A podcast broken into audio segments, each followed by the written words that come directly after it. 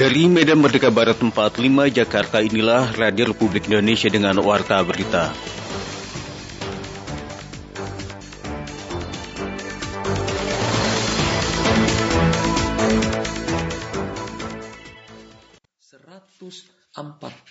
orang warga negara Indonesia yang berada di Republik Kajastan dalam keadaan aman. Jadi untuk minyak kemasan 2 liter itu yang sebelumnya harga 27.000 atau 28.000 sekarang sudah mencapai 39.000 sampai 40.000.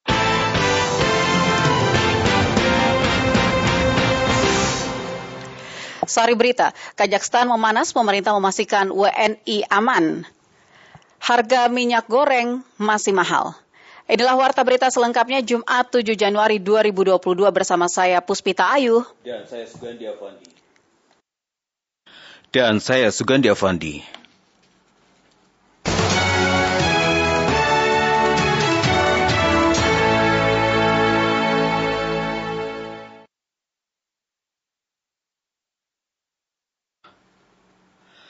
Mengawali warta berita siang ini kami hadirkan sekilas berita.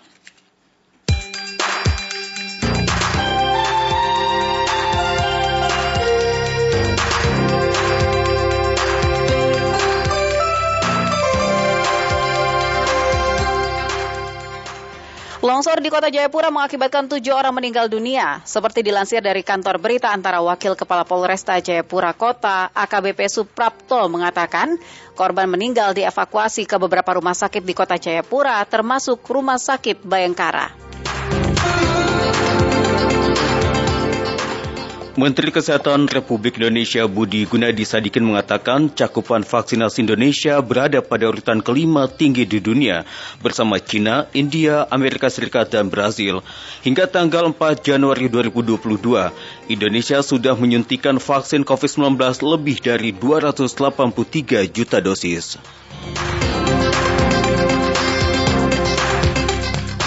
Rusia telah mengirimkan pasukan untuk membantu Kazakhstan atas permintaan dari Presiden Kazim Jomart Tokayev. Mereka bertugas untuk melindungi fasilitas negara dan militer, selain itu juga membantu kepolisian Kazakhstan.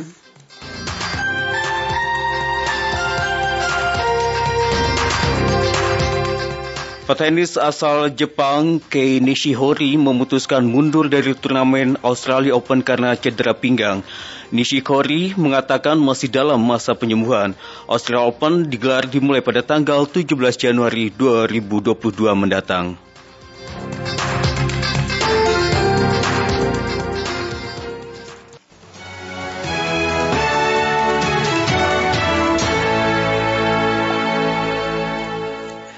Ya, mendengar kami awali informasi pertama dalam Warta Berita siang ini. Situasi keamanan di Kazakhstan memanas menyusul aksi unjuk rasa menolak kenaikan harga BBM. Status darurat hingga 19 Januari 2022 diberlakukan.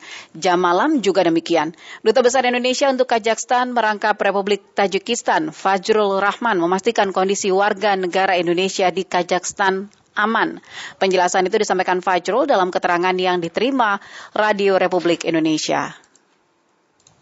140 orang warga negara Indonesia yang berada di Republik Kajastan dan tiga orang warga negara Indonesia di Republik Tajikistan dalam keadaan aman. Di Republik Kajastan, 140 WNI berada di kota Nur Sultan, Atirau, Almaty, Aktau, Burabai, dan lain-lain.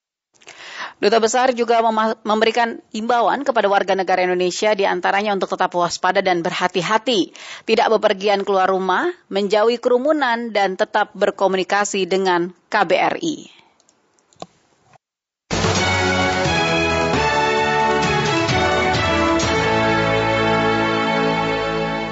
Kita mendengarkan Warta Berita Radio Republik Indonesia. Anggaran gaji dan tunjangan anggota DPRD DKI Jakarta tahun 2022 mengalami peningkatan menjadi 177,37 miliar rupiah atau mengalami kenaikan 26 miliar rupiah dibandingkan tahun lalu.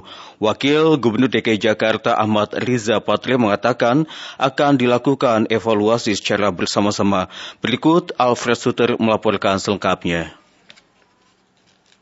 2022 udah dirasionalisasikan ya gitu Pak. Mengingat beberapa tunjangan dewan yang naik misalkan uh, tunjangan perumahan yang naik 20 Wakil Gubernur Jakarta Ahmad Riza Patria di Balai Kota menghormati anggaran belanja gaji dan tunjangan anggota DPRD DKI Jakarta tahun 2022 yang naik 26,42 miliar rupiah dari tahun sebelumnya. Namun demikian kenaikan itu menurutnya mesti juga disesuaikan dengan rasa mengingat situasi pandemi COVID-19 masih berlangsung hingga saat ini. Untuk itu, ia mengatakan akan ada evaluasi terhadap kenaikan anggaran tersebut. Yang tidak kalah penting harus ada juga rasa.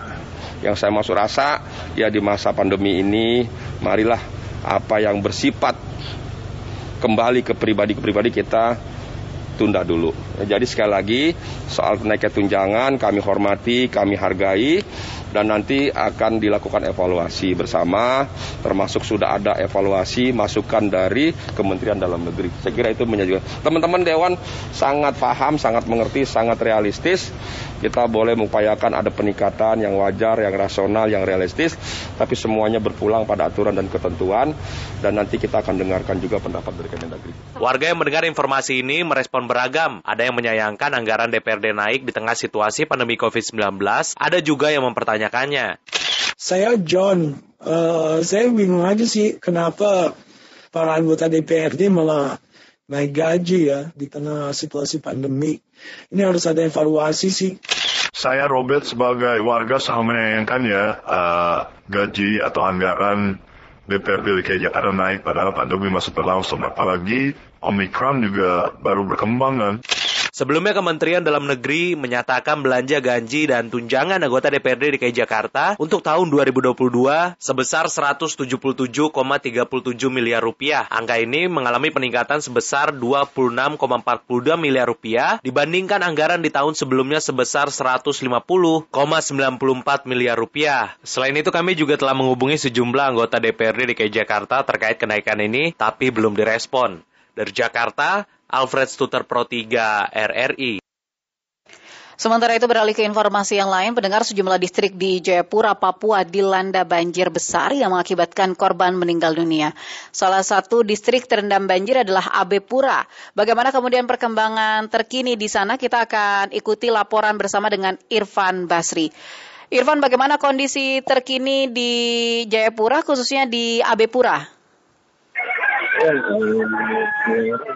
saat ini kondisi di Kapipura sendiri sudah surut.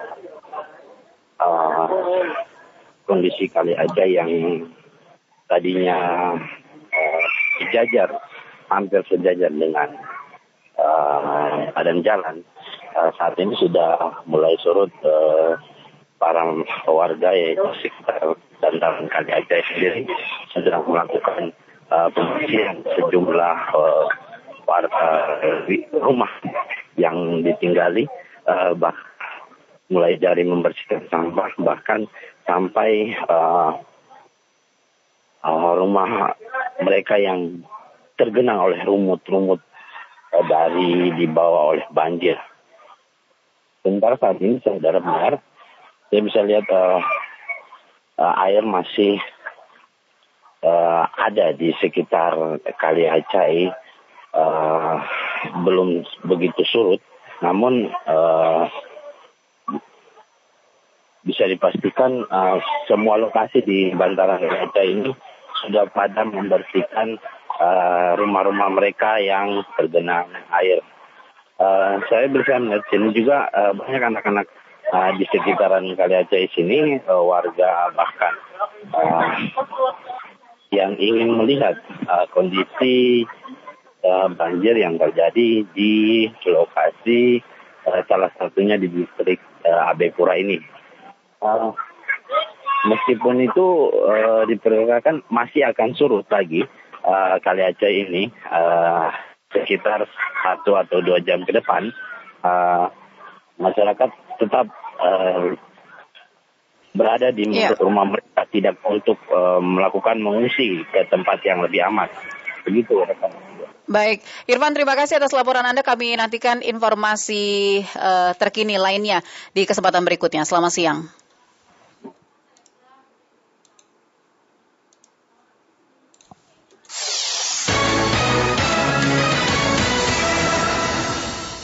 Pasokan telur di wilayah Nunukan, Kalimantan Utara masih kosong karena distribusi dari luar pulau belum sampai di Nunukan. Berikut kami hadirkan informasi dari wilayah perbatasan NKRI Malaysia, tepatnya di Nunukan bersama Salma Amin. Salma. Baik, pendengar RRI saat ini saya sedang berada di salah satu pasar tradisional di Kabupaten Nunukan, tepatnya di Pasar Ilmu Tani, dan melihat perkembangan ketersediaan telur ayam di Kabupaten Nunukan sampai hari ini di sejumlah eh, dagang sembako masih kosong. Dan untuk lebih jelasnya, saat ini saya sudah bersama dengan salah satu pedagang sembako di Pasar Inbitani Nunukan, yaitu Ibu Jum. Selamat siang, Bu Jum. Ya. Ibu Jum, eh, bagaimana perkembangan untuk stok telur di Nunukan ini, Bu? Informasinya kapan datang begitu? Sebentar sore. Sebentar sore ya. Kalau untuk harga sendiri gimana Bu? Kira-kira masih samakah dengan eh, yang kemarin sampai 95 ribu atau gimana? Anu, sekitar 55. 55. Itu masih tergolong tinggi atau sudah di angka normal, Bu? Normal sih. Normal ya. Kalau sebelumnya di harga berapa, Bu? 45. 45 ya. Dan telur ini didatangkan dari mana Bu selama ini? Dari Sulawesi. Sulawesi ya. Tidak ada daerah lain yang memasak gitu Bu? Ya, tidak ada. Oh, hanya ada dari dari Sulawesi. Kalau yang kemarin persoalannya sampai kosong gimana Bu? Dari Tawau. Oh, dari, dari Tawau ya. Oke. Okay. Yang sempat kosong itu sekitar semingguan, penyebabnya apa Bu? Tidak ada kapal. Oh, bergantung transportasi. Transportasi begitu ya. Sore ini jam berapa kira-kira Bu sudah bisa masyarakat bisa menikmati telur kembali begitu? Jam jam tiga lah. Oh jam tigaan ya? Oke. Okay. Baik terima kasih Bu Jum. Iya. iya pendengar berdasarkan keterangan dari salah seorang penjual sembako di pasar Ibu Tan ini bahwa untuk ketersediaan telur ayam di Kabupaten Nunukan diperkirakan pada sore ini uh, akan didistribusikan dari kapal yang tiba di Nunukan pada hari ini. Demikian informasi dari Nunukan, kembali ke Pro 3 RRI. Sementara itu pendengar harga minyak goreng di Singaraja Bali masih tinggi hingga saat ini. Harga minyak kemasan 2 liter naik menjadi 39.000 hingga 40.000 rupiah. Berikut Tris Januarini melaporkan.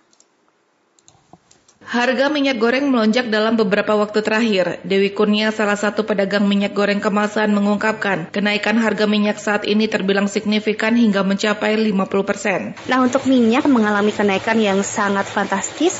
Jadi, untuk minyak kemasan 2 liter itu yang sebelumnya harga 27.000 atau 28.000 sekarang sudah mencapai 39.000 sampai 40.000. Seorang pembeli yang sekaligus ibu rumah tangga Yulia mengatakan di situasi pandemi COVID-19 saat ini ditambah kenaikan sembako dan bumbu dapur lainnya membuatnya lebih sulit. Ia harus memutar otak untuk menekan biaya dapur karena kenaikan harga sembako dan bumbu dapur tidak diikuti dengan kenaikan penghasilan. Uh, kalau pendapatku sih sedih banget ya sebagai ibu rumah tangga karena kita harus menekan biaya sedangkan uh, pendapatan yang kita dapat itu masih tetap tapi kita belanja dengan harga yang semuanya naik terutama untuk masalah dapur. Keluhan yang sama juga disampaikan Dayunovi, pengusaha lalapan sambal metal. Ia mengatakan kenaikan minyak sangat berdampak pada usaha yang sudah ia tekuni sejak beberapa tahun terakhir, di mana anggaran belanja untuk minyak goreng harus ia naikkan sebanyak 100 ribu per hari. Terdampak banget pastinya.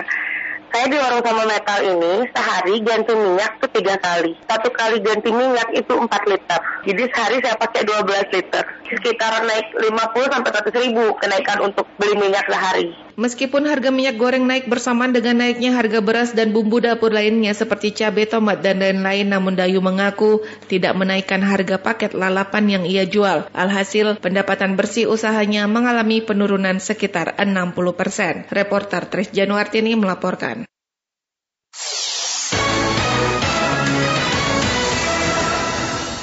Polda Jawa Timur masih memburu oknum penjual vaksin booster di Surabaya. Kapolda Jawa Timur Irjen Pol Niku Avinta berjanji akan menindak tegas setiap oknum atau juga pelaku yang memanfaatkan situasi demi keuntungan pribadi. Berikut dari kota Surabaya, Beni Hermawan melaporkan. Polda Jawa Timur membentuk tim dengan Polrestabes Surabaya untuk memburu oknum penjual vaksin booster di Surabaya. Vaksin dosis ketiga itu diketahui telah beredar di Surabaya sejak 2021, padahal pemerintah baru resmi mengeluarkan awal Januari 2022. Kapolda Jatim Irjen Pol Niko Avinta mengatakan, praktik penjualan dan penyuntikan vaksin booster itu dipastikan ilegal karena vaksin booster untuk masyarakat umum baru resmi digelar pemerintah pada Januari. Niko menyayangkan ada pihak yang memanfaatkan mencari keuntungan di tengah pemerintah gencar mempercepat vaksinasi. Niko berjanji akan menindak tegas pelaku yang memanfaatkan situasi demi keuntungan pribadi. Oknum ini menggunakan kesempatan ini untuk dirinya supaya seolah-olah semuanya sudah tervaksin. Hal-hal yang lain tolong tunggu penyidik bekerja terlebih dahulu. Jangan sampai ada pertanyaan nanti tidak sesuai dengan fakta. Ada yang sudah diamankan, dan? Tim masih bekerja ya. Tolong nanti jangan uh, terlalu ke mana kemari sebelum penyidik menyampaikan hasil sesuai dengan penyidikan. Tapi yang jelas dia mencuri, menggelapkan vaksin yang harusnya diberikan pada orang untuk kepentingan dirinya sendiri. Tidak hanya itu, Kapolda Jatim menyebut selama ini pihaknya juga memastikan vaksin yang didistribusikan telah sesuai dengan SOP. Di dalam SOP, metode di dalam vaksinasi sudah jelas. Ada petugas, ada vaksinnya, dan ada pendaftarannya. Polda Jatim meminta masyarakat untuk bersabar karena pihaknya tengah memburu oknum-oknum di balik penjualan vaksin booster ilegal ini. Benirmawan melaporkan. Komisi Pemberantasan Korupsi KPK masih mengembangkan kasus dugaan suap yang menjerat Wali Kota Bekasi, Rahmat Effendi. Informasi selengkapnya dilaporkan Hairul Umam. Pak, Pak, PPN buat masyarakat Bekasi. Bekasi Pak, dikit aja Pak. Gimana Pak? Dikit aja Pak. Apa yang mau disampaikan Pak? Jalan dulu. Masyarakat Bekasi gimana? Komisi Pemberantasan Korupsi mengungkapkan cara suap Wali Kota Bekasi Rahmat Effendi kepada para pengusaha di Bekasi. Rahmat menggunakan dalih sumbangan masjid saat meminta suap pengadaan barang dan jasa serta lelang jabatan. Ketua KPK Firly Bahuri mengatakan bahwa kasus ini bermula ketika Pemkot Bekasi menetapkan APBDP tahun 2021 untuk belanja modal ganti rugi tanah dengan total anggaran sekitar 286,5 miliar rupiah. Adapun ganti rugi tersebut di antaranya diperuntukkan bagi pembebasan lahan sekolah di Rawalumbu senilai 21,8 miliar rupiah, pembebasan lahan polder 202 senilai 25,8 miliar rupiah, pembebasan lahan polder air Kranji senilai 21,8 miliar rupiah, dan melanjutkan proyek pembangunan gedung teknis bersama senilai 15 miliar rupiah. Atas proyek-proyek tersebut, PP diduga menetapkan lokasi pada tanah milik swasta dan intervensi dengan memilih langsung para pihak swasta yang lahannya akan digunakan untuk proyek pengadaan dimaksud serta meminta untuk tidak memutus kontrak pekerjaan. Atas proyek-proyek tersebut, tersangka RE selaku wali kota Bekasi periode 2018-2022 diduga menetapkan lokasi pada tanah milik swasta dan melakukan intervensi dengan memilih langsung para pihak swasta yang lahannya akan digunakan untuk proyek pengadaan dimaksud, serta meminta untuk tidak memutus kontrak pekerjaan. Sebagai bentuk komitmen, tersangka RE diduga telah meminta sejumlah uang kepada para pihak yang lahannya diganti rugi oleh pemerintah kota Bekasi. Di antaranya menggunakan sebutan untuk sumbangan masjid. Sementara itu memang Pepen sendiri memilih bungkam ketika dikonfirmasi oleh awak media saat keluar di gedung Komisi Pemberantasan Korupsi. Pak, Pak, Pepen buat masyarakat Bekasi. Bekasi Pak, dikit aja Pak. Gimana Pak? Dikit aja Pak. Apa yang mau disampaikan Pak? Jalan dulu. Masyarakat Bekasi gimana? Dikit aja Pak. Pak, jalan sekalian jalan. Jalan. Yayasan apa Pak? Kasih jalan dulu ya. Dikit aja Pak. Sumbangan masjid Pak. Kasih jalan, kasih jalan, kasih jalan. Sumbangan masjid itu Pak buat apa sih Pak? kasih jalan. Pak.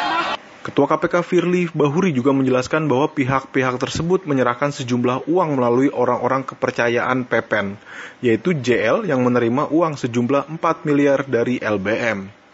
PPN juga diduga menerima sejumlah uang dari beberapa pegawai pada Pemkot Bekasi sebagai pemotongan terkait posisi jabatan yang diembannya di Pemkot Bekasi. PPN juga diduga menerima sejumlah uang sebesar 30 juta rupiah dari AA melalui MB terkait dengan pengurusan proyek dan tenaga kerja kontrak di Pemkot Bekasi. Dari Jakarta, Herul Umam Pro 3 RRI melaporkan.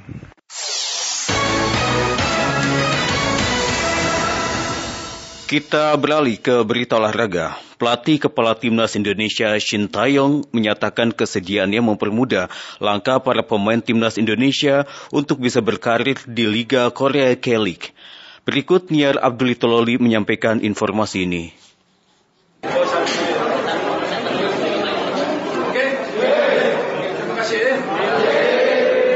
Pelatih Kepala Tim Nasional Sepak Bola Indonesia Sintayong menyatakan kesediaannya membantu para pemain asuhannya untuk mempermudah proses perpindahan mereka ke Liga Korea atau K-League jika ada tawaran yang didapatkan. Pernyataan ini disampaikan Sin dalam keterangannya kepada media di Sandayan usai Persatuan Sepak Bola Seluruh Indonesia PSSI membubarkan skuad Garuda setelah menjalani masa karantina pasca berlaga di Piala AFF 2020. Mantan pelatih timnas Korea ini menuturkan ia dapat menjembatani para pemain dengan berbagai klub di K-League dan setelahnya para pemain dan agen harus berupaya memenuhi kelengkapan yang diisyaratkan oleh para klub. 어, 일단 한국 팀에서 관심을 갖고 있는 것은 어, memang ada ke klub Korea uh, yang tertarik uh, sama pemain-pemain Indonesia. Uh, jadi memang coach juga bisa bantu dari belakang agar pemain-pemain Indonesia bisa main uh, di Korea. Uh, tetapi selanjutnya langkah selanjutnya kan uh, memang tugas agen dan pemain. Jadi memang harus agen dan uh, pemain harus bisa uh, melakukan dan mengerjakan uh, masalah administrasi dengan baik. Melalui kesempatan yang sama, salah satu penggawa Garuda yang mendapatkan perhatian beberapa klub asing, Pratama Arhan, kepada media mengaku siap untuk mengikuti jejak para rekannya. Arhan pun tidak menyebut negara mana yang ingin ditujunya. Secara bijak, pemain PSIS Semarang ini menyatakan akan mengikuti saran yang diberikan pelatihnya di timnas Sintayong. Nanti kalau dapat kabar ya kita tinggal oke-oke aja saja kita main di luar negeri. Ya persiapan saya sudah sangat siap sih untuk berkali ke negeri kan juga sudah menerima pengalaman yang baik kok di timnas Semarang. Ya sempat sih ngobrol-ngobrol sama Asnawi sama Eki Wita juga. Ya kalau itu sih tinggal tergantung nanti sih tinggal pelatih nyaranin seperti apa, nyaranin apa seperti itu. Usai dibubarkan, kini para pemain telah kembali ke klub atau tim mereka masing-masing, termasuk para pemain yang berlaga di liga asing seperti Asnawi Mangku Alam, Witan Sulaiman, dan Egi Maulana Fikri. Setelahnya tidak ada lagi waktu istirahat bagi para penggawa Garuda, karena sejumlah jadwal padat tengah menanti. Mulai dari pertandingan uji coba resmi yang telah didaftarkan pada kalender FIFA Matchday untuk 24 hingga 31 Januari 2022 bersama tim dari beberapa negara. Kemudian berlanjut pada pemusatan latihan atau training camp menuju Piala AFF usia di bawah 23 yang akan berlangsung di Kamboja pada 14 hingga 26 Februari 2022. Dari Jakarta, Nia Abdul Tiloli, Pro 3 RRI.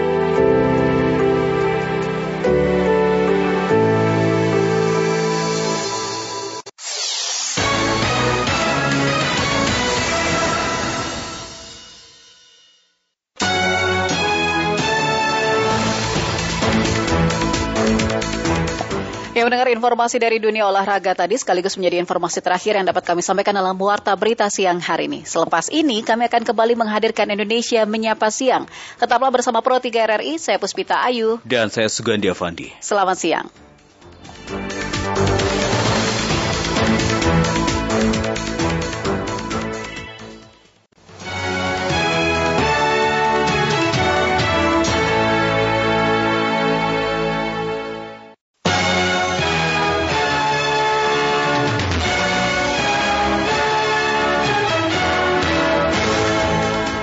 Dari Medan Merdeka Barat 45 Jakarta inilah Radio Republik Indonesia dengan Warta Berita. Setelah dicabut akan dikelola oleh perusahaan-perusahaan yang kredibel. Kalau kami kemarin jual 140-an lah bang, sekarang sudah 170-an harus dijual. 30 ribu lebih naik harganya. Yang 12 kilo, yang 5,5 kilo juga naik.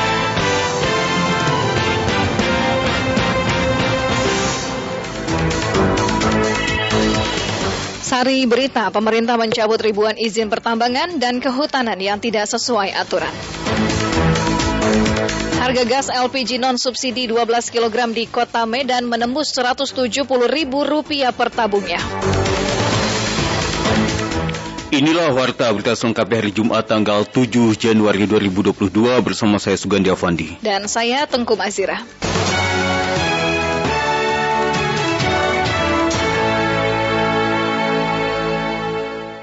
Pendengar mengawali warta berita untuk malam hari ini kami hadirkan sekilas berita utama.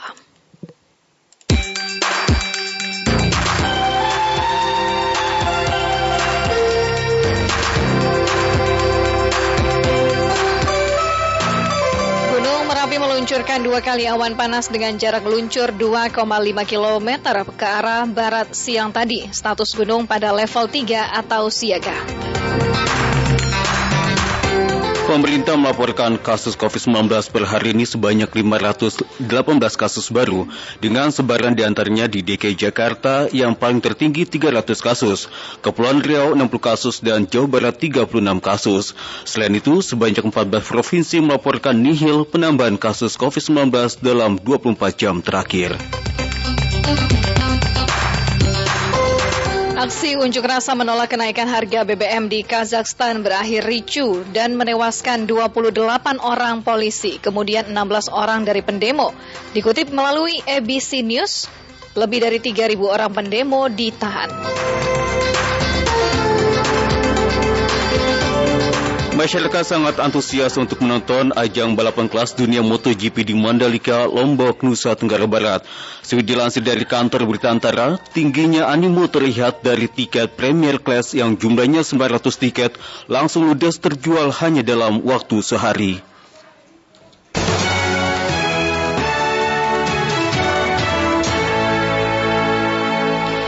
Pendengar Menteri Investasi Kepala BKPM Bahlil Lahadalia menyebut pencabutan ribuan izin pertambangan dan kehutanan adalah untuk pengalihan pemanfaatan kepada perusahaan yang kredibel. Menurut Menteri Bahlil, ribuan izin yang dicabut pemerintah kemudian akan didistribusikan kepada BUMD, pengusaha nasional hingga kelompok masyarakat. Berikut Pradipta Rahadi melaporkan selengkapnya. Menteri Investasi Kepala BKPM. Ribuan izin usaha pertambangan, IUP, perkebunan, dan kehutanan dicabut oleh pemerintah untuk memperbaiki tata kelola sumber daya alam Indonesia. Menteri Investasi sekaligus Kepala BKPM Bahlil Lahadalia dalam keterangan pers pada hari ini menyampaikan pemerintah terus melakukan evaluasi secara menyeluruh terhadap izin-izin pertambangan, kehutanan, dan penggunaan lahan negara. Bahlil menyebut pencabutan ribuan izin pertambangan dan kehutanan adalah untuk pengalihan pemanfaatan kepada perusahaan yang kredibel. Menurut Bahlil, ribuan izin tersebut dicabut oleh pemerintah untuk kemudian akan didistribusikan kepada BUMD, pengusaha nasional hingga kelompok masyarakat. Setelah dicabut akan dikelola oleh perusahaan-perusahaan yang kredibel, oleh kelompok-kelompok masyarakat, oleh kelompok-kelompok organisasi keagamaan, oleh kelompok-kelompok BUMD bahkan koperasi. Sering kami katakan bahwa pengusaha nggak boleh mengatur negara, tapi pemerintah yang harus mengatur pengusaha.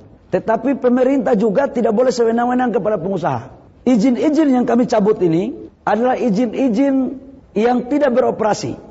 Terkait pencabutan izin tersebut, Menteri Lingkungan Hidup dan Kehutanan Siti Nurbaya Bakar kepada Pro 3 RRI mengatakan pencabutan ribuan izin itu menjadi langkah krusial pemerintah dalam rangka memperbaiki tata kelola kehutanan dan upaya perbaikan lingkungan guna menekan kerusakan alam. Ketegasan dari Bapak Presiden untuk pencabutan izin-izin itu buat KLHK sangat penting, sangat membantu. Jadi ada dua aspeknya yaitu pertama kalau dari uh, saya tentu uh, untuk produktivitas uh, kawasan hutan.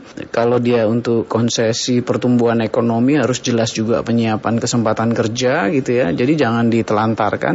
Dan di sisi lain juga uh, untuk uh, mengatasi uh, pemulihan alam begitu. Sebelum Sebelumnya Presiden Joko Widodo sudah menegaskan bahwa pemerintah mencabut izin yang tidak dijalankan dan tidak produktif. Banyak 2078 izin perusahaan penambangan minerba kita cabut. Karena tidak pernah menyampaikan rencana kerja, izin yang sudah bertahun-tahun telah diberikan tetapi tidak dikerjakan, dan ini menyebabkan tersandranya pemanfaatan sumber daya alam untuk meningkatkan kesejahteraan rakyat. Izin-izin yang akan dicabut antara lain 2078 izin perusahaan pertambangan, IUP Mineral dan Batubara Minerba, 192 izin sektor kehutanan seluas 3.126.439 hektar, serta hak guna usaha perkebunan yang ditelantarkan seluas 34.448 hektar yang juga dicabut. Dari luasan tersebut, sebanyak 25.128 hektar adalah milik 12 badan hukum, yang sisanya 9 9.320 hektar adalah bagian dari HGU yang terlantar milik 24 badan hukum. Dari Jakarta, Pradip Tarahadi, Pro 3 RRI.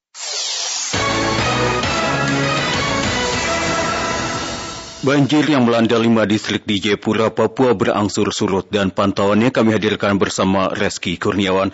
Reski, hingga malam hari ini bagaimana situasi di Jayapura?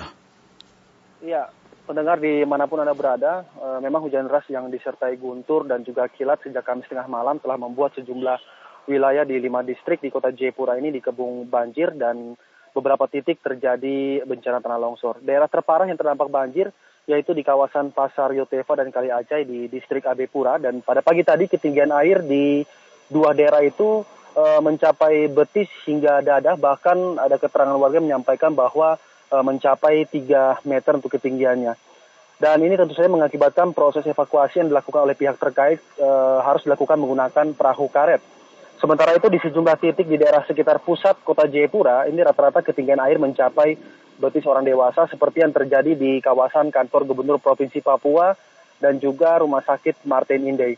Namun sejak pagi hingga siang hari banjir di seputaran pusat kota Jayapura sudah berangsur surut, begitupun dengan uh, kawasan Pasar Yoteva dan Kali Aceh yang menjadi daerah terparah.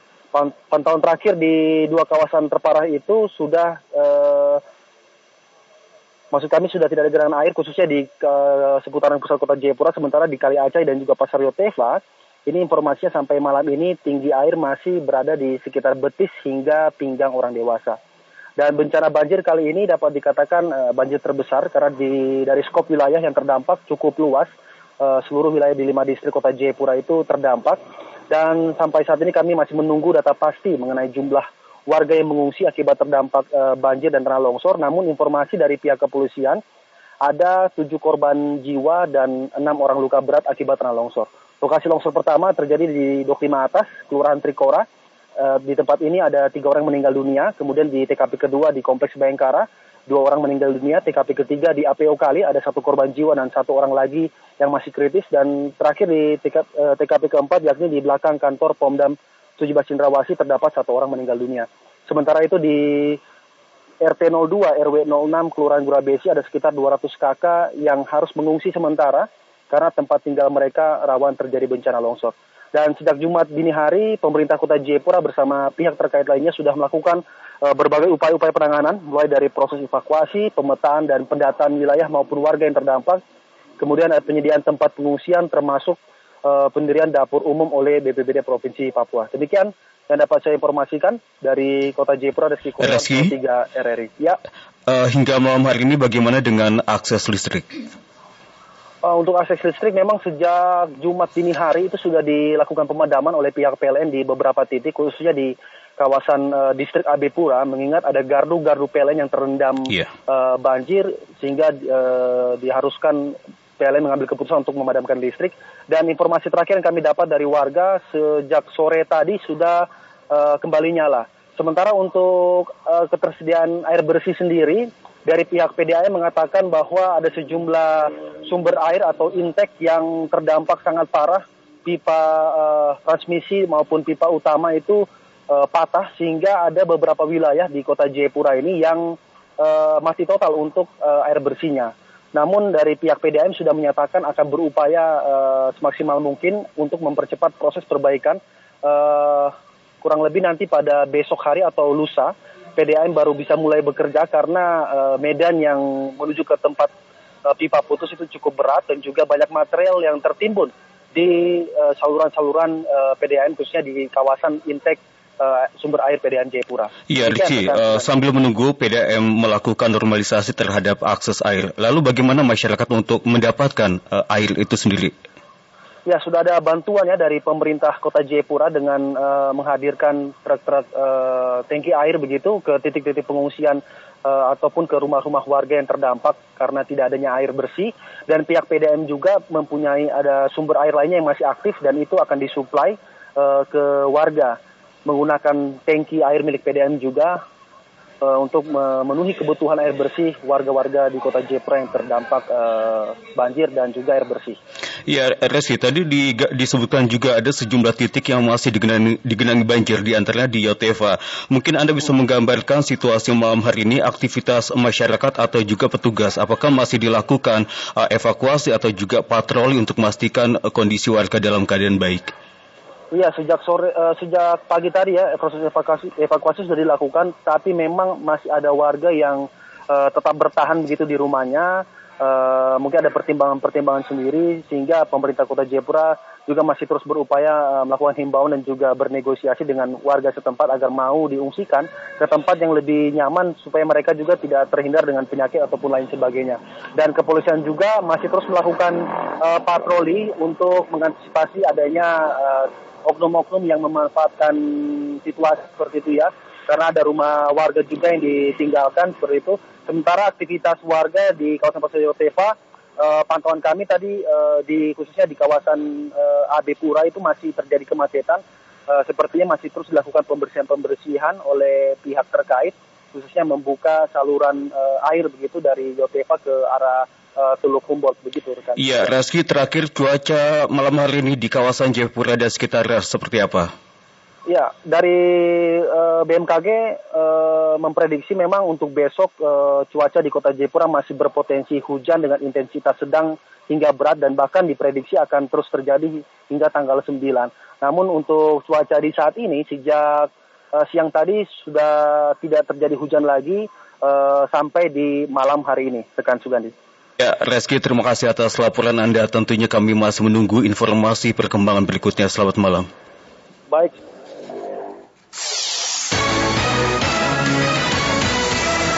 Kita beralih ke informasi lainnya. Harga gas LPG non subsidi 12 kg di Kota Medan menembus harga Rp170.000 per tabungnya. Imbasnya, warga beralih menggunakan gas LPG bersubsidi. Dari Kota Medan, Ilham Al-Banjari melaporkan selengkapnya dinaik pun jangan kayak gitu kali naik sampai kayak gas itu sampai empat puluh ribu naiknya kan lumayan pak kalau misalnya empat puluh ribu itu bisa beli-beli yang lain. Di kota Medan, sejumlah pangkalan gas LPG mengeluhkan kenaikan harga gas LPG non subsidi 12 kg yang menembus hingga berada pada harga jual Rp170.000 yang semula dijual pada harga Rp140.000. Salah satunya pangkalan gas sahabat baru yang berdomisili di Jalan Setiabudi Medan. Pemilik pangkalan Martinus Ginting Jumat 7 Januari 2022 mengatakan, akibat kenaikan itu pembeli di pangkalan tercatat mengalami penurunan drastis. Martinus menyebut kenaikan itu merupakan yang paling signifikan yang sebelumnya tercatat gas LPG 12 kilo hanya naik berkisar Rp5.000 sampai Rp10.000. Naik bang. 25 Desember sudah berlaku langsung bang. Jadi kami pun libur-libur gitu.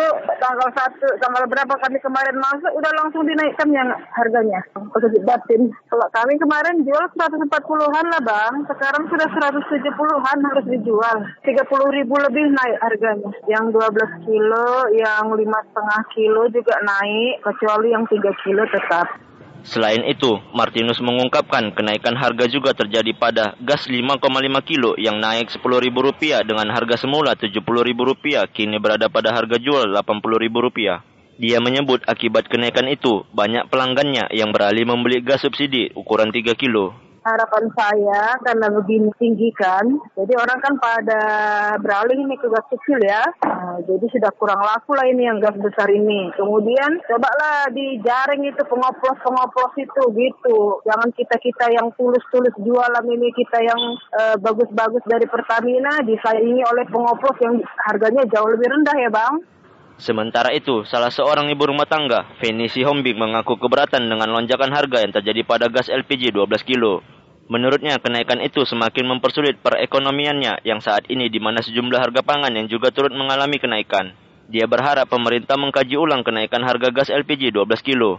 Ampun lah Pak, sekarang apalagi pandemi Pak, semuanya serba naik. Jadi saya mau beralih aja Pak, Mas mau mau beralih yang ke 3 kilo. Masa dari 140 ke 180, 40 ribu kan lumayan Pak saya bisa beli, beli bahan pokok yang lain dari minyak makan sama uh, telur, gula, ayam juga naik pak. Entah mau apa yang mau dimasak sekarang pak, nggak tahu pak. Dinaik pun jangan kayak gitu kali naik sampai kayak gas itu sampai empat puluh ribu naiknya kan lumayan pak. Kalau misalnya empat puluh ribu itu bisa beli-beli yang lain. Seperti diketahui, Pertamina menaikkan harga gas non subsidi disebabkan terjadinya lonjakan harga di level internasional, khususnya harga kontrak price Aramco atau CPA. Pertamina memperlakukan kebijakan tersebut untuk mendukung penyeragaman harga LPG dan menciptakan fairness harga antar daerah. Hilam Al-Banjari melaporkan. Kapal pengangkut telur dari Pare-Pare tiba di Nunukan, Kalimantan Utara sore tadi.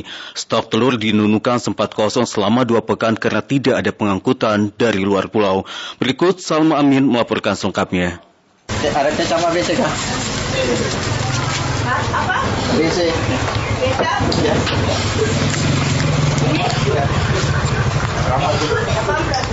Setelah mengalami kelangkaan sekitar satu minggu, telur ayam di Kabupaten Nunukan kembali tersedia di sejumlah agen telur ayam.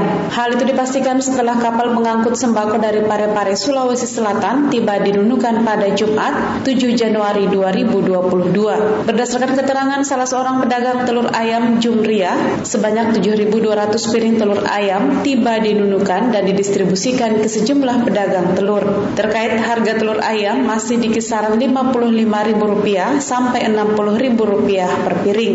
Hal itu disebabkan karena stok telur ayam di Sulawesi Selatan juga terbatas. Bentar sore dari Sulawesi.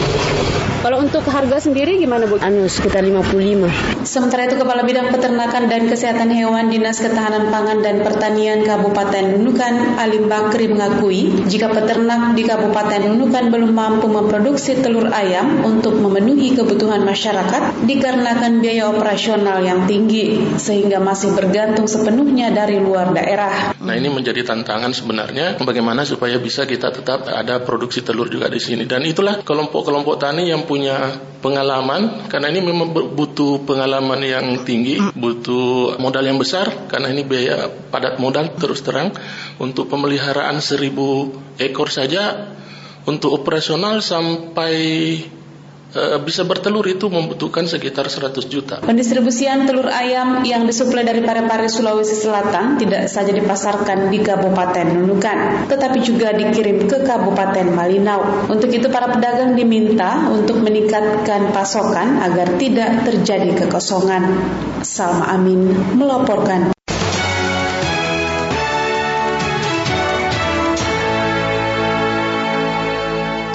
Pendengar Anda masih mendengarkan Warta Berita Produksi Radio Republik Indonesia. Sebanyak 6 juta data pasien COVID-19 milik Kementerian Kesehatan diduga bocor dan dijual di forum hacker. Dengan insiden tersebut, rancangan Undang-Undang Perlindungan Data Pribadi segera disahkan. Kami hadirkan informasi ini dalam laporan khusus Pro 3 RRI yang disampaikan Alfred Stutar berikut ini. Laporan khusus. Laporan khusus. Laporan khusus. Ya, yang pertama tentu saja pemerintah harus me...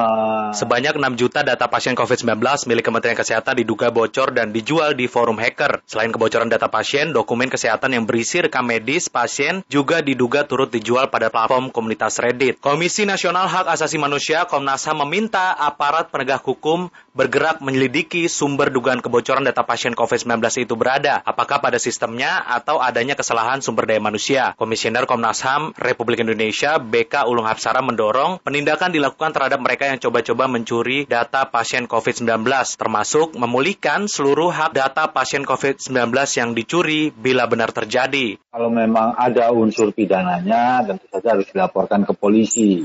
Eh, terus yang ketiga, ini kan karena kebocoran tentu saja harus dipulihkan informasinya Sementara itu, anggota Komisi 1 DPR RI, Dev Laksono, mengatakan kondisi ini menunjukkan adanya kebutuhan yang mendesak pada pengesahan rancangan Undang-Undang Perlindungan Data Pribadi. Meski sejauh ini informasi tersebut masihlah dugaan. Perlindungan menurutnya juga mesti disertai dengan meningkatkan keamanan software penyimpanan data pasien hingga aktif dalam merekrut sumber daya manusia yang pakar dalam keamanan data pribadi di penyimpanan digital. Nah, cuman ini membuktikan bahwa memang kita ini juga urgent untuk menyelesaikan Undang-Undang Perlindungan Data Pribadi.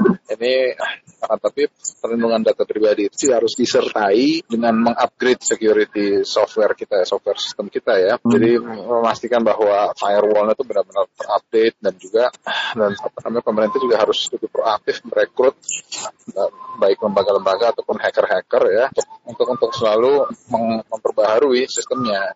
Di sisi lain, Kepala Indonesia Cyber Security Forum Ardi Suteja mengatakan data bocor sebagai komoditas yang diperjualbelikan sudah menjadi bisnis lama, namun tak banyak orang yang menyadarinya. Menurutnya, data yang bocor bisa digunakan untuk berbagai kepentingan, salah satunya tujuan kriminal dengan membuat identitas palsu. Data itu di samping diperjualbelikan sebagai komoditas. Kedua, data-data yang mereka pegang, yang mereka kelola, ya, yang mereka peroleh dengan cara ilegal, itu bisa dimanfaatkan untuk berbagai kepentingan. Salah satunya adalah membuat identitas palsu. Sebelumnya kami juga telah menghubungi juru bicara Kementerian Kesehatan Siti Nadia Tarmizi, namun belum direspon. Begitu juga dengan juru bicara Kementerian Komunikasi dan Informasi, Dedi Permadi. Dari Jakarta, Alfred Stuter Pro 3 RRI. Masyarakat merespon beragam dugaan 6 juta data pasien COVID-19 yang bocor tersebut. Berikut tanggapan masyarakat yang dirangkum reporter Alfred Stuter. Saya Aldi, eh, sebagai masyarakat saya meminta si pemerintah agar bergerak cepat ya untuk membuktikan bahwa benar tidak ada kebocoran data itu. Saya Siska sebagai masyarakat e, menyayangkan kalau ini sampai benar. Ya mudah-mudahan pemerintah bergerak cepat membuktikannya ya. Saya Tony sebagai masyarakat sebagai masyarakat khawatir dengan sistem keamanan penyimpanan data kita. Semoga tidak ada korban dari kebocoran ini ya. Laporan khusus.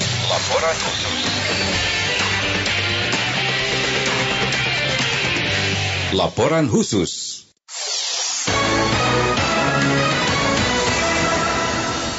Tim SAR gabungan berhasil mengevakuasi seorang warga negara asing asal Bangladesh dari tanker MT Concerto di Selat Benggala. Kapal tengah berlayar menuju Singapura. Seperti apa kondisi warga negara asing tersebut? Berikut Munjir Permana melaporkan. Tim SAR gabungan mengevakuasi seorang warga negara asing di wilayah perairan Selat Benggala pagi tadi. WNA tersebut merupakan anak buah kapal tanker MT Concerto yang berlayar dari rute Suez Canal menuju Singapura. WNA bernama Parvez Alam merupakan warga negara Bangladesh Korban diketahui mengalami sakit dan meminta untuk segera dievakuasi. Kepala Kantor SAR Banda Aceh Budiono mengatakan awalnya tim SAR mendapat informasi bahwa ada seorang ABK kapal tanker yang harus segera mendapat pertolongan medis sehingga meminta kepada tim SAR untuk segera dievakuasi. Kemudian tim SAR pagi tadi sekitar pukul 8 waktu Indonesia Barat bertolak dari pelabuhan Ulelhu Banda Aceh untuk mengevakuasi korban di perairan Selat Benggala dengan menggunakan kapal KN SAR Kresna. Proses evakuasi ini juga turut melibatkan kantor kesehatan pelabuhan dan sejumlah unsur terkait. Tersangka menuju ke Singapura. Untuk kondisi korban saat ini uh, telah dievakuasi dan dibawa ke rumah sakit uh, Zainal Abidin Kota Banda Aceh untuk uh, penanganan medis lebih lanjut. Sementara itu petugas dari kantor kesehatan pelabuhan Banda Aceh Bahtiar mengatakan kondisi pasien masih stabil namun harus mendapat pertolongan lebih lanjut di rumah sakit. Masalah penyakit memang masalah penyakit ringan yaitu ambien keadaan umum dalam keadaan baik uh, pasiennya kondisinya masih bisa Proses evakuasi ini dengan standar protokol kesehatan dan sekitar pukul 10 waktu Indonesia Barat, WNA tersebut berhasil dievakuasi dan segera dilarikan ke Rumah Sakit Umum Daerah Zainal Abidin Banda Aceh untuk mendapatkan pertolongan medis. Dari Banda Aceh, Munjir Permana melaporkan.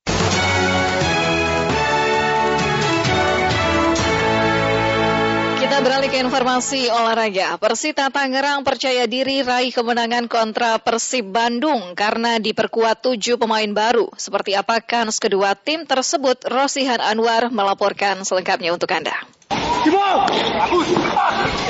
Persib Bandung akan menghadapi lawan pertama mereka di putaran kedua yaitu Persita Tangerang di Stadion Ngurah Rai Denpasar pada Jumat malam. Tentunya tim Maung Bandung Persib ingin meraih tiga poin penuh agar dapat menggeser Bayangkara FC dari puncak klasemen sementara BRI Liga 1. Namun ambisi Persib tersebut akan coba dicikal Persita Tangerang yang menyatakan siap menghadapi putaran kedua kompetisi. Pelatih Persita Widodo Cahyono Putro menyebutkan timnya siap sepenuhnya untuk melawan Persib. Terlebih lagi, tim pendekar Cisadane sudah mendatangkan setidaknya tujuh pemain sebagai suntikan tenaga baru untuk putaran kedua. Kami sudah mempersiapkan ya keseluruhan, baik fisik, taktikal, dan yang terutama tentunya ada beberapa pergantian pemain yang memang ini sangat diperlukan buat kami. Mudah-mudahan dengan ini semua ya kita sudah siap untuk pertandingan melawan Persib. Itu yang diharapkan oleh kami semua. Soal cukup banyaknya pemain baru yang didatangkan Persita di paruh musim kedua, Widodo Cahyono Putro menyatakan kekompakan dan adaptasi pola permainan dapat tercipta dengan cepat karena pemain yang didatangkan memahami kebutuhan tim serta skema taktik yang diinginkan oleh Widodo. Tentunya uh, kita ada beberapa pemain yang diplot di midfield ya, Pak Nurudin, terus ada Iqbal juga di situ. Tapi sih nggak nggak nggak semua ya, itu kita masih tetap pemain-pemain yang di Liga 1 masih ada ya beberapa pemain. Cuman kita hanya menambah uh, kekurangan-kekurangan di posisi mana saja. Saya kira di taktikal ya, kemistrinya kita sudah ada latihan beberapa kali latihan. Uh, mereka saya kira sudah sudah bisa menjadikan satu tim ini uh, menjadi suatu kekuatan yang kita harapkan. Sementara itu Agung Prasetyo, salah satu bek andalan Persita menyatakan para pemain sudah tak sabar untuk kembali bermain di putaran kedua Liga 1. Agung yakin skuad baru Persita saat ini mampu mengimbangi kekuatan Persib Bandung yang merupakan salah satu kandidat juara Liga 1 musim ini. Pikir teman-teman pemain, kita ya semua pemain sudah siap baik secara fisik maupun mental untuk pertandingan. E, pelatih juga sudah memberikan apa yang harus dilakukan di pertandingan. Mudah-mudahan insya Allah hasil positif berpihak kepada kami. Seperti halnya mayoritas klub di Liga 1, Persita cukup aktif bergerak di bursa transfer paruh kedua musim ini. Tujuh orang pemain yang telah diikat Persita di antaranya Nurudin Daironov, Randy Oscario, Thailand Korea, sampai sosok Jack Brown yang merupakan pemain naturalisasi yang pernah mendapat perhatian pelatih timnas Indonesia, Sinteyong.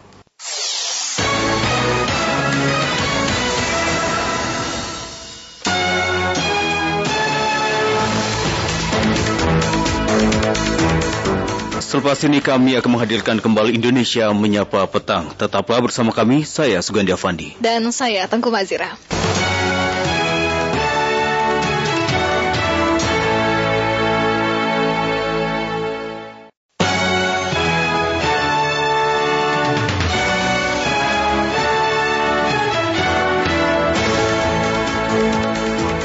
Selamat pagi pendengar dari lantai 7 Medan Merdeka Barat Padan 5 Jakarta inilah Radio Republik Indonesia dengan Warta Berita Pagi.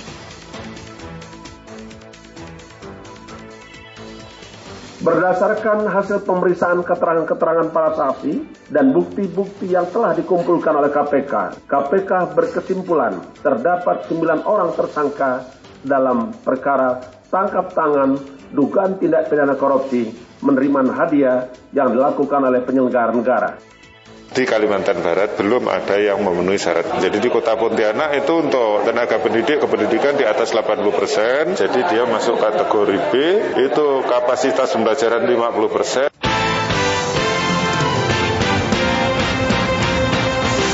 Sari Berita, KPK resmi tetapkan Wali Kota Bekasi, RE, sebagai tersangka penerimaan suap.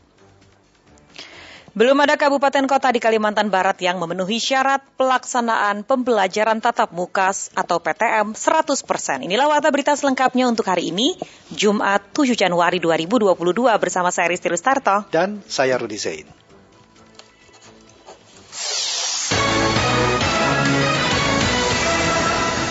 Mengawali warta berita pagi ini kami sampaikan sekilas berita utama.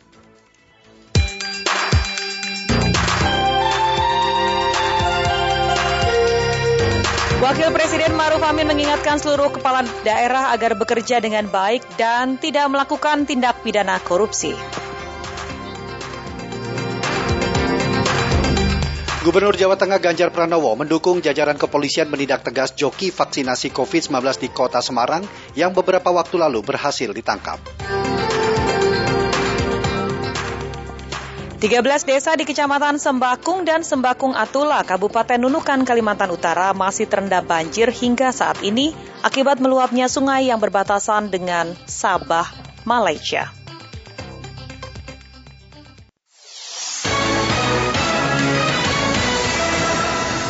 Pendengar Komisi Pemberantasan Korupsi atau KPK resmi menetapkan status Wali Kota Bekasi, RE, serta delapan orang lain dari unsur aparatur sipil negara atau ASN dan swasta sebagai tersangka penerimaan suap pengadaan barang dan jasa serta lelang jabatan di pemerintahan Kota Bekasi. Berikut kami hadirkan laporan Khairul Umam. Sini Pak, kasih komentar buat oh, masyarakat. Sedikit Pak. Komisi Pemberantasan Korupsi resmi menetapkan Wali Kota Bekasi periode 2013-2018 dan periode 2018-2022 yaitu Rahmat Effendi sebagai tersangka dalam kasus tindak pidana korupsi berupa penerimaan sesuatu oleh penyelenggara negara atau yang mewakilinya terkait dengan pengadaan barang dan jasa serta lelang jabatan di pemerintahan Kota Bekasi, Jawa Barat. Ketua KPK Firly Bahuri mengatakan bahwa tak hanya Rahmat yang menjadi tersangka dalam kasus ini, terdapat delapan orang lainnya yang menjadi tersangka yang berasal dari ASN dan juga pihak swasta. Berdasarkan hasil pemeriksaan keterangan-keterangan para saksi dan bukti-bukti yang telah dikumpulkan oleh KPK, KPK berkesimpulan terdapat sembilan orang tersangka dalam perkara tangkap tangan dugaan tindak pidana korupsi menerima hadiah yang dilakukan oleh penyelenggara negara. Para tersangka tersebut sebagai berikut. Sebagai pemberi ada empat orang. Pertama AA, kedua LBM, yang ketiga SY, yang keempat MS. Sementara sebagai penerima tersangka RE, MB, MY, WY, dan JL. Sementara itu ketika dikonfirmasi oleh awak media, Rahmat Effendi bungkam tak berkomentar sedikit pun. Sedikit Pak. Sedikit aja Pak. Penetapan tersangka terhadap mereka berawal dari operasi tangkap tangan yang dilakukan oleh tim penyidik KPK pada hari Rabu kemarin. Penangkapan terhadap mereka berawal dari laporan masyarakat terkait akan adanya penyerahan uang kepada penyelenggara negara, di mana memang tim penyidik KPK kemudian bergerak dan mengamankan 14 orang beserta uang. Uang yang diamankan di antaranya uang tunai sebesar 3 miliar rupiah dan 2 miliar dalam bentuk tabungan.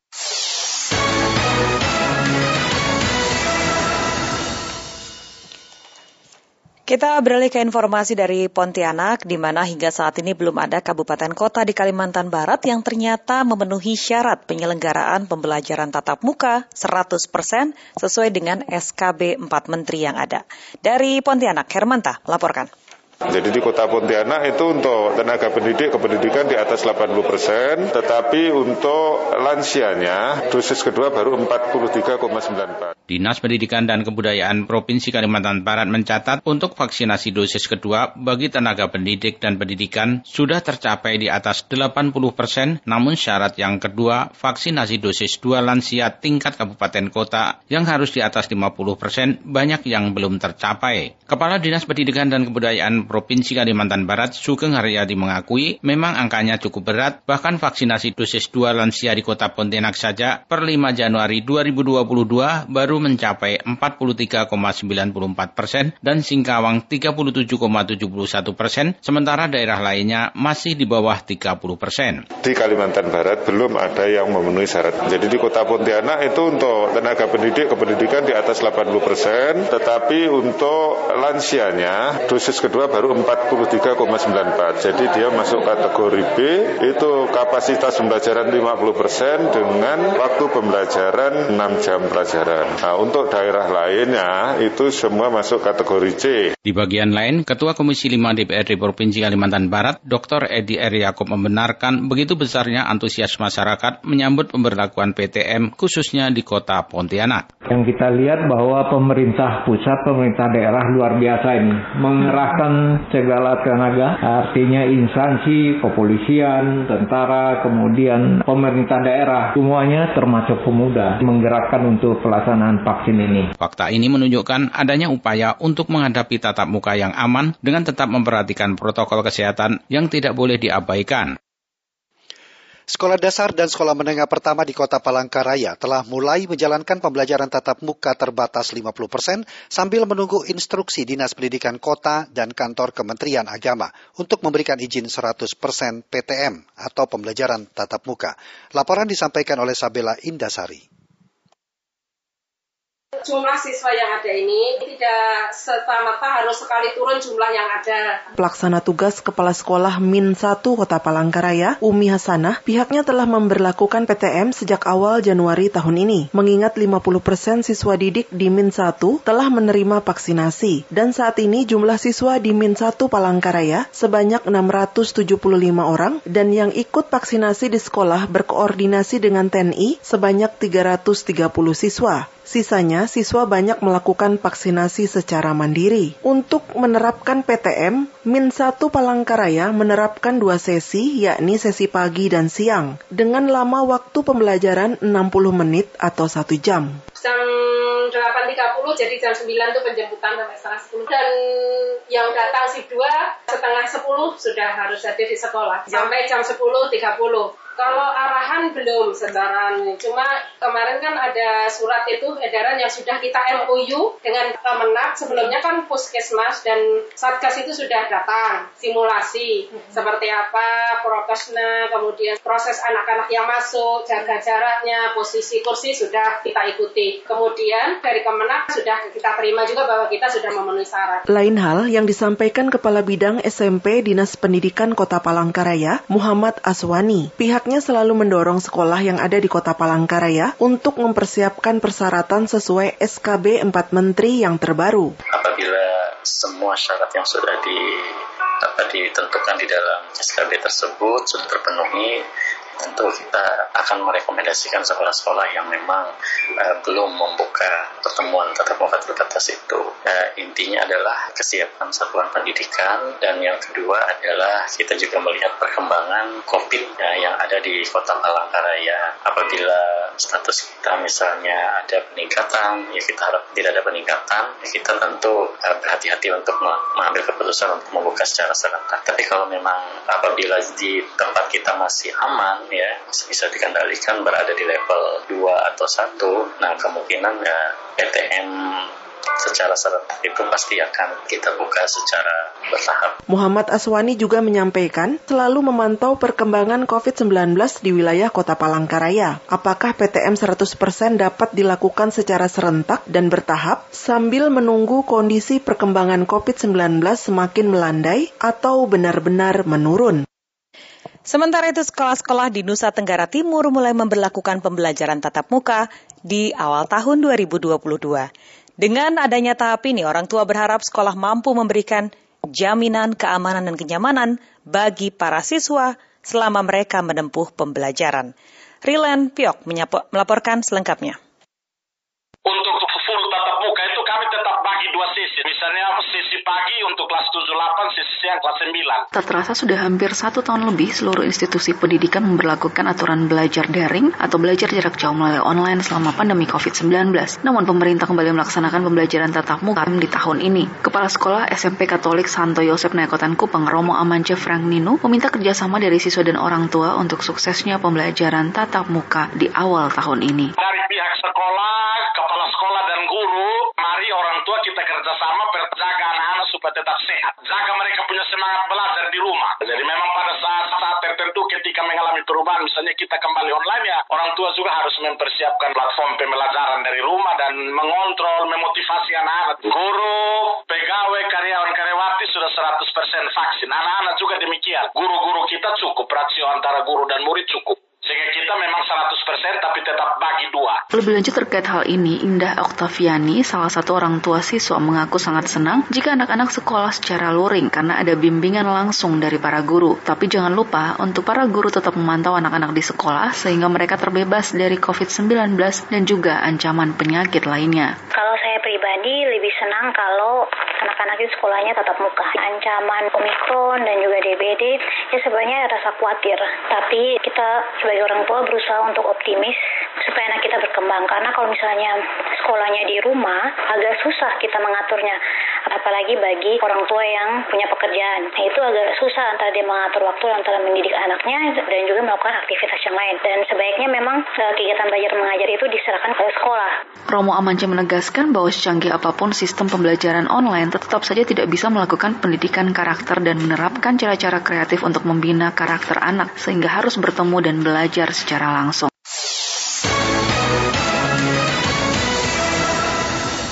Ibu rumah tangga dan pedagang di Nusa Tenggara Barat resah dengan naiknya harga minyak goreng yang berdampak pada besarnya biaya yang mereka keluarkan untuk memperoleh komoditas tersebut sebagai salah satu kebutuhan pokok. Kita simak laporan Hayatun Sofyan berikut ini. Sebagai ibu rumah tangga ini sangat meresahkan ya, sangat Naiknya harga kebutuhan pokok belakangan ini sangat meresahkan masyarakat.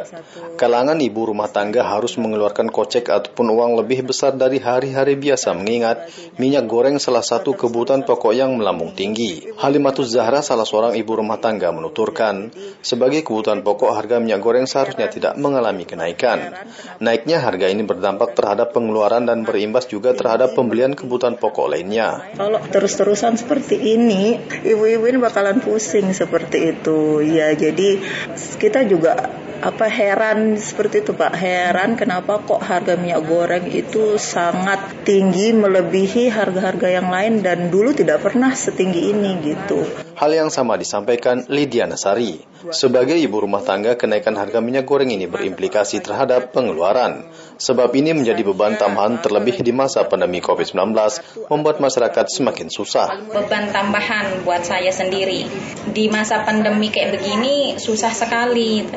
Nggak minyak curah aja yang naik semua jenis minyak. Terus apalagi minyak ini kan kebutuhan kita sehari-hari. Hadi Wibowo, salah seorang pedagang gorengan melihat jika harga minyak goreng yang mengalami kenaikan memberatkan. Terlebih, harganya melambung tinggi ditambah dengan naiknya harga bahan pokok lainnya. Saya dengan Hadi Wibowo sangat memberatkan bagi saya yang setiap hari banyak menggunakan minyak goreng karena harga minyak saat ini melambung tinggi. Belum lagi harga bahan pokok lainnya juga naik. Ibu Gusti salah seorang pedagang di Pasar Perumnas Kota Mataram menyatakan modal yang dikeluarkan untuk membeli minyak goreng bertambah dari biasa. Kenaikan harga minyak goreng ini menurutnya terjadi setiap harinya dengan kisaran kenaikan sebesar Rp1.000 per kilogram. Dari tokonya sendiri tiap hari itu naik, tiap hari naik.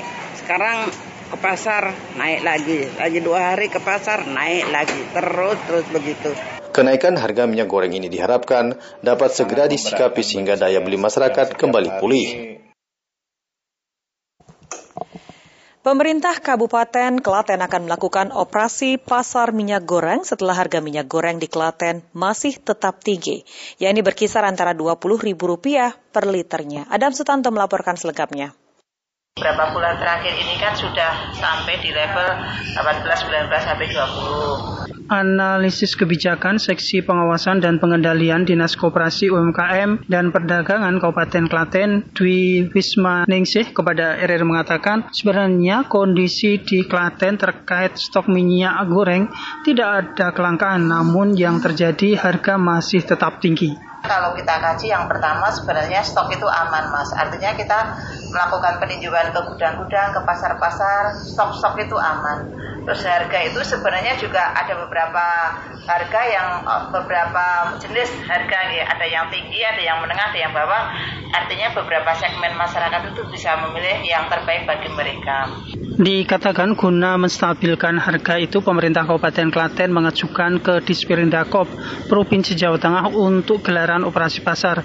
Jumlah yang diajukan tersebut sebanyak 660 liter yang nantinya akan dibagikan ke 45 pasar. Nantinya minyak kemasan itu akan dijual seharga Rp14.000 per liternya. Sedangkan salah seorang pelaku usaha resoles di Klaten Angga Purindra mengaku kenaikan harga minyak baik kemasan maupun curah sangat mempengaruhi terhadap keuntungan penjualan.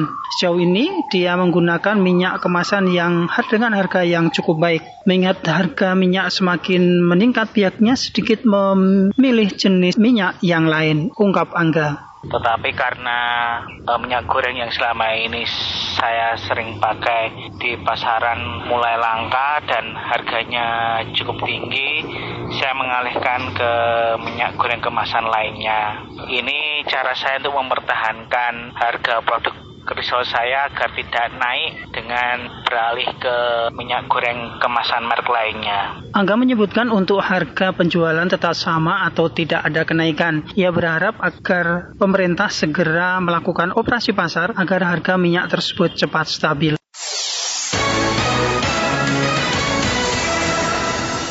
Terima kasih Anda masih mendengarkan Warta Berita Produksi Radio Republik Indonesia. Pendengar, krisis energi di tubuh PLN membuat pemerintah memutuskan untuk melarang ekspor batu bara. Meski terpaksa mematuhi, para pengusaha meminta adanya solusi permanen dari pemerintah karena kondisi ini bukan yang pertama kali terjadi. Informasi tersebut kami hadirkan dalam sesi laporan khusus Pro 3 yang disampaikan oleh Agus Wijananto. Laporan khusus. Laporan khusus. Laporan khusus. Krisis suplai batubara membuat mesin-mesin pembangkit listrik tenaga uap milik PLN terancam berhenti bekerja. Pasokan listrik PLN pun terancam putus. Pemerintah kemudian memutuskan melarang ekspor batubara. Febri Kelvin Tetelepta, Deputi 1 Kepala Staf Kepresidenan mengatakan kebijakan larangan ekspor batubara ditujukan agar semua produksi batubara difokuskan untuk memenuhi kebutuhan dalam negeri. Apalagi saat ini PLN sedang mengalami defisit batubara. Menurut Febri, pengusaha batubara diminta mematuhi mekanisme Domestic Market Obligation atau DMO yang mewajibkan perusahaan tambang memenuhi kebutuhan pembangkit-pembangkit PLN. Kita tahu persis bahwa uh, apa yang dimaksud dengan domestic uh, market obligation atau yang dikenal dengan uh, eh, DMO itu pemerintah mau mengatakan bahwa ketika terjadi krisis energi secara nasional, internasional dan banyak sekali uh, apa namanya sumber daya batu bara kita itu dikejar oleh uh, internasional maka kita harus melakukan sebuah proteksi terhadap kepentingan nasional. Nah DMO ini sendiri itu tidak serta merta uh, pemerintah keluarkan tanpa ada pertimbangan yang yang matang.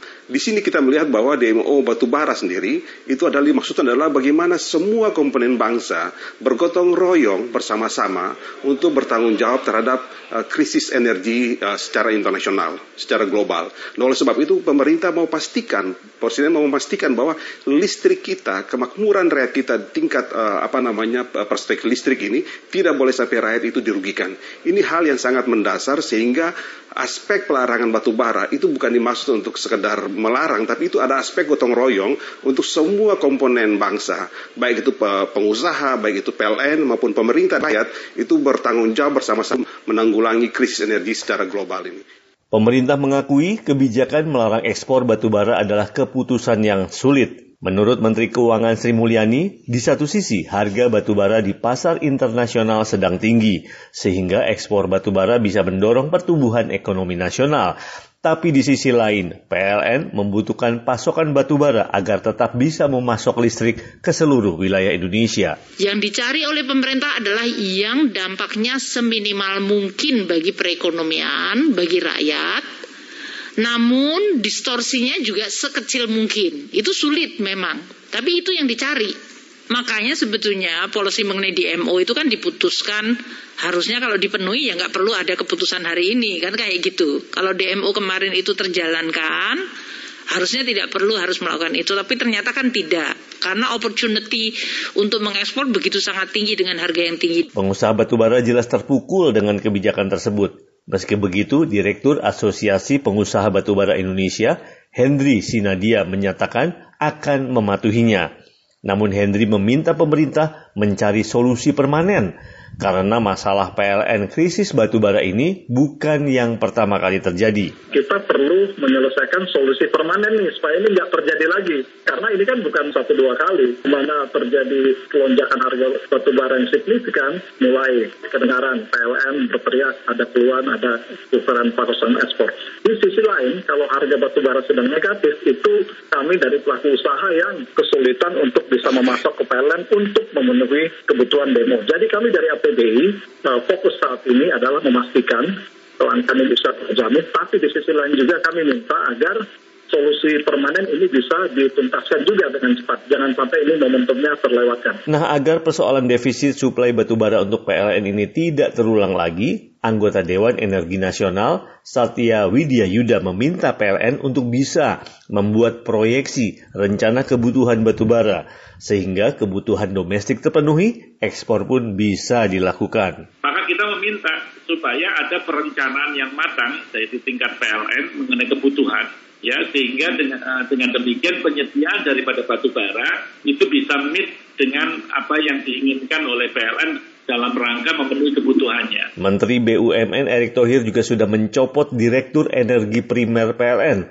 karena dianggap bertanggung jawab atas krisis batubara di tubuh PLN. Erick memerintahkan pejabat yang baru segera melakukan perbaikan di PLN guna menghindari krisis energi listrik.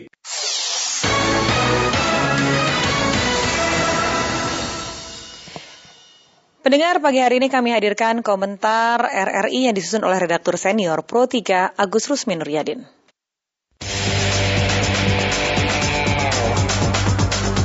Editorial Pro 3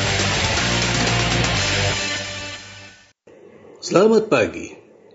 Mulai tanggal 1 selama bulan Januari 2022, pemerintah melarang ekspor batu bara, namun larangan tersebut bersifat sementara. Menteri Keuangan Sri Mulyani menyebut larangan ekspor batu bara itu bertujuan untuk menjaga keberlanjutan pasokan listrik di dalam negeri. Kementerian ISDM menyebut setidaknya 20 pembangkit listrik tenaga uap PLTU, baik milik PLN maupun Independent Power Producer IPP, mengalami defisit pasokan batu bara. Dan ini berpotensi mengganggu keandalan listrik bagi 10 juta lebih pelanggan PLN.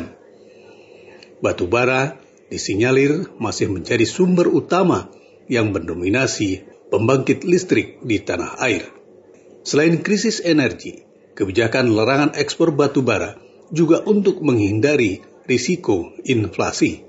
Apalagi kita sedang berupaya memulihkan ekonomi nasional akibat dampak pandemi COVID-19. Bagi Indonesia, ini adalah pilihan yang sulit untuk diterima. Satu sisi, listrik di Indonesia akan mati jika ekspor batu bara tetap dilakukan. Begitu pula sebaliknya, pemulihan ekonomi nasional terancam jika ekspor batu bara diberhentikan. Apalagi batu bara masih menjadi salah satu sumber ekspor terbesar di Indonesia. Namun demikian, kita tentunya harus mendukung amanat Presiden yang melarang ekspor batu bara. Larangan tersebut sebaiknya tidak sementara, melainkan bersifat permanen. Bahkan semua kebijakan harus berdasarkan kepentingan nasional dan bukan untuk melindungi segelintir orang. Apalagi jangan sampai larangan tersebut juga lebih karena harga pasar internasional batu bara sedang merosot. Tujuh fraksi dari sembilan fraksi di DPR RI menyambut positif larangan ekspor batu bara. Ketujuh fraksi tersebut Golkar, Gerindra, PKB, Demokrat, PKS, PAN, dan P3. Sementara satu fraksi yang tidak mendukung adalah PDIP, dan satu fraksi yang masih mengambang sikapnya adalah Nasional Demokrat atau Nasdem. Semoga saja larangan ekspor batu bara tersebut dapat memberikan manfaat besar bagi bangsa Indonesia. Apalagi pasal 33 ayat 3 Undang-Undang Dasar 1945 mengamanatkan bumi, air, dan kekayaan alam yang terkandung di dalamnya dikuasai oleh negara dan dipergunakan untuk sebesar-besarnya kemakmuran rakyat. Demikian komentar. Selamat pagi.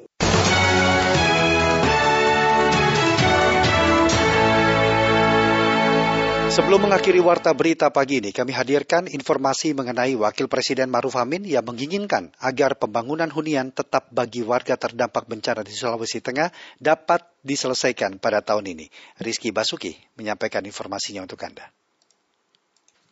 Yang terkendala ini akan kita selesaikan secara cepat. Wakil Presiden Kiai Haji Ma'ruf Amin memimpin rapat penuntasan pemulihan pasca bencana Sulawesi Tengah di kantor Gubernur Sulawesi Tengah di Jalan Samratulangi, Palu pada Kamis 6 Januari 2022.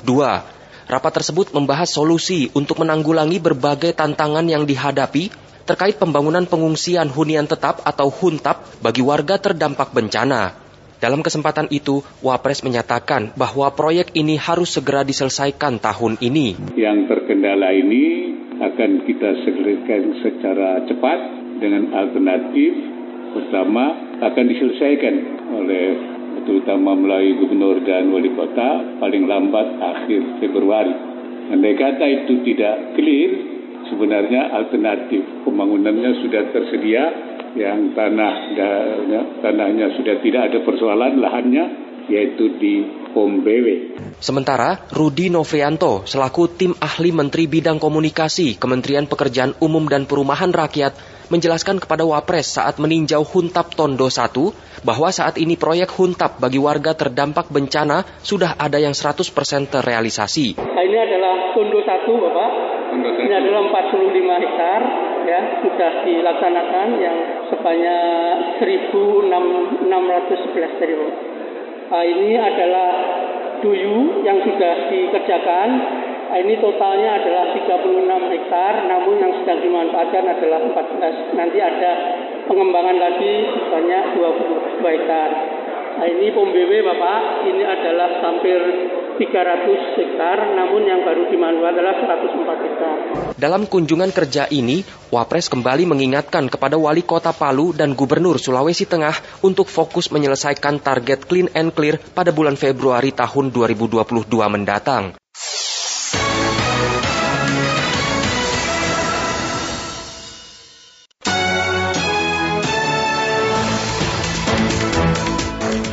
Demikian warta berita pagi hari ini kami punya sejumlah informasi penting dari seluruh penjuru tanah air. Tetap bersama kami dalam program Indonesia Menyapa Pagi. Saya Risti Rustarto. Saya Rudi Zaid. Selamat pagi.